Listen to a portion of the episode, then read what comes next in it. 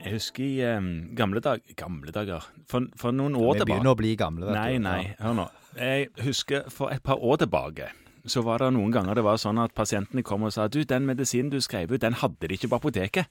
Ja. Ja, så sier jeg, vet du hva, da går du på et annet apotek, og så hører du der. Ja. Og, og da gikk det ofte. Ikke Ja. alltid, men ofte. Men nå, nå har det vært mye sånn den medisinen får vi ikke tak i mer. Vi må drive og kjøpe medikamentdelere, altså tablettdelere, og dele opp og dosere sånn cirka. Og det har vært veldig mye sånn eh, at man ikke får tak i noen medisiner. Ja, og det skyldes også produksjonssvikt på noen medisiner. Ja. Altså, de lager ikke nok, eller de har fått rusk i maskinen sin som gjør at de må stoppe opp en stund. Ja, Men så skyldes vel òg at Norge ikke har kjøpt nok inn som de har i reserve. Nei, sant? Der, er, der, er, der er mange aspekter av dette, for det går an å kjøpe seg et lager, og så leve litt på lageret, og da, da klarer man ta unna litt sånne svingninger. Eh, Nettopp. ellers så kan man leve sånn fra hånd til munn, og da hvis det da plutselig blir mangel på tilførselen, så stopper det helt opp. Ja.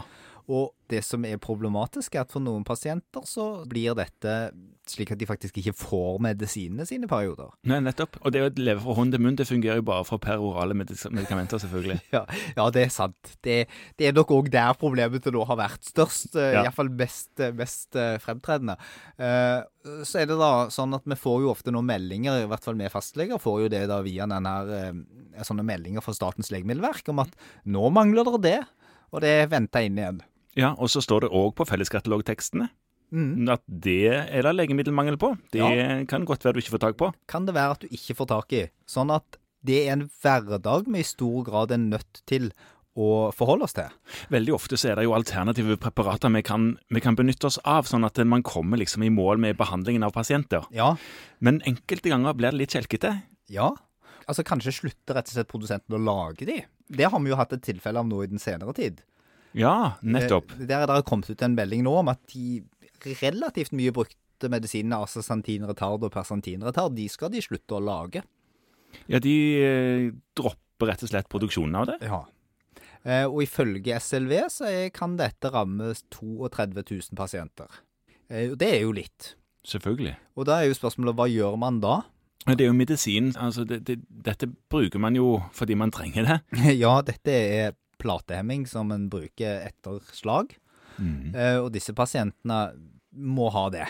Ja, Iallfall bladehemming må de ha. Ja, må- platehemming må de ha. Sånn at da får man prøve seg å finne et alternativ, da, og da har Nå nå er det sånn at når noe sånt skjer, så er det heldigvis kloke hoder som tenker seg om.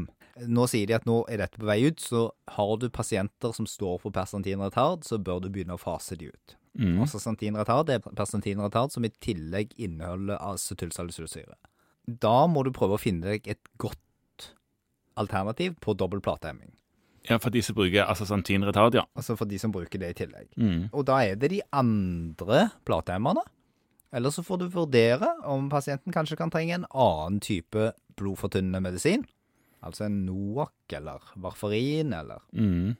Men er dette når de, For dette her er jo medisin som de ofteste starter på hos eh, nevrologen på sykehuset. Ja. I all hovedsak. ja. Så nå blir det vårt problem, eller vår utfordring, da, å være eh, behjelpelig med å endre denne typen medisinering. Ja, for det, disse er jo ofte overført til oss, så Ja, det de- blir vårt ansvar. Ja, de er over til oss, ja. Ja. Eh, nå kommer det ett alternativ på markedet i forhold til asasantin retard. Så der kan det være vi blir berga, men det må man da gå inn og se på spesifikt for hvert enkelt tilfelle. Sånn at du er nødt til å på en måte ta disse pasientene inn og gå gjennom de og se på. Trenger de fortsatt denne persantinen, eller finnes det et alternativ? Og det vil jo da være ASA eller eh, klopidogrel, som på en måte er mye brukt som platehemming ja. eller andre blodfortynnende hvis man finner indikasjon for det.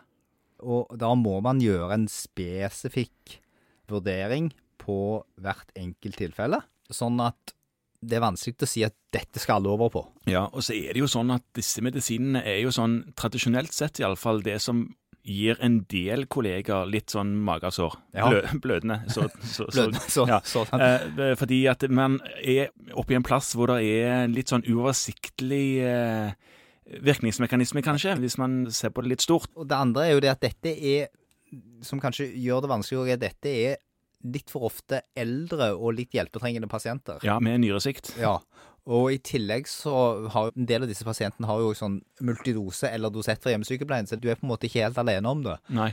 Men så kan vi snu på det, så kan vi si at hvis det er 32 000 pasienter det gjelder, så er det ikke så fryktelig mange på hver av oss 5000 fastleger. Nei da, det kan du godt si. Og Nei. dette her er jo uansett en slags legemiddelgjennomgang som antagelig ikke er usunn å gjøre sånn av og til uansett. Nei, så kanskje man rett og slett, da, når man nå blir klar over at her er det en potensiell greie, bare skal gjøre et statistikkutrekk på listen sin og se hvor mange har jeg her, og hvem Altså- er de, Ja, og må jeg gjøre noe med de? nettopp. Og så kommer dette problemet litt i forkjøpet, for det er alltid greiere det å ta det en gang hvis du skulle ha tid, Ja. eh, enn når hjemmesykepleien ringer desperat og lurer på hva vi gjør med nå, fordi at vi får ikke tak i disse medisinene. Nei, nettopp. Det er akkurat det. Og eh, dette her, at de slutter å lage denne typen medisin, det er jo nå eh, velkjent. Ja, det er varsla, og dermed så er det mulig å forberede seg. Ja, det er akkurat. Sånn at det kanskje blir en varsla overgang til noe omtrent like bra, istedenfor en varsla katastrofe. Ja, den siste der kan vi prøve å unngå.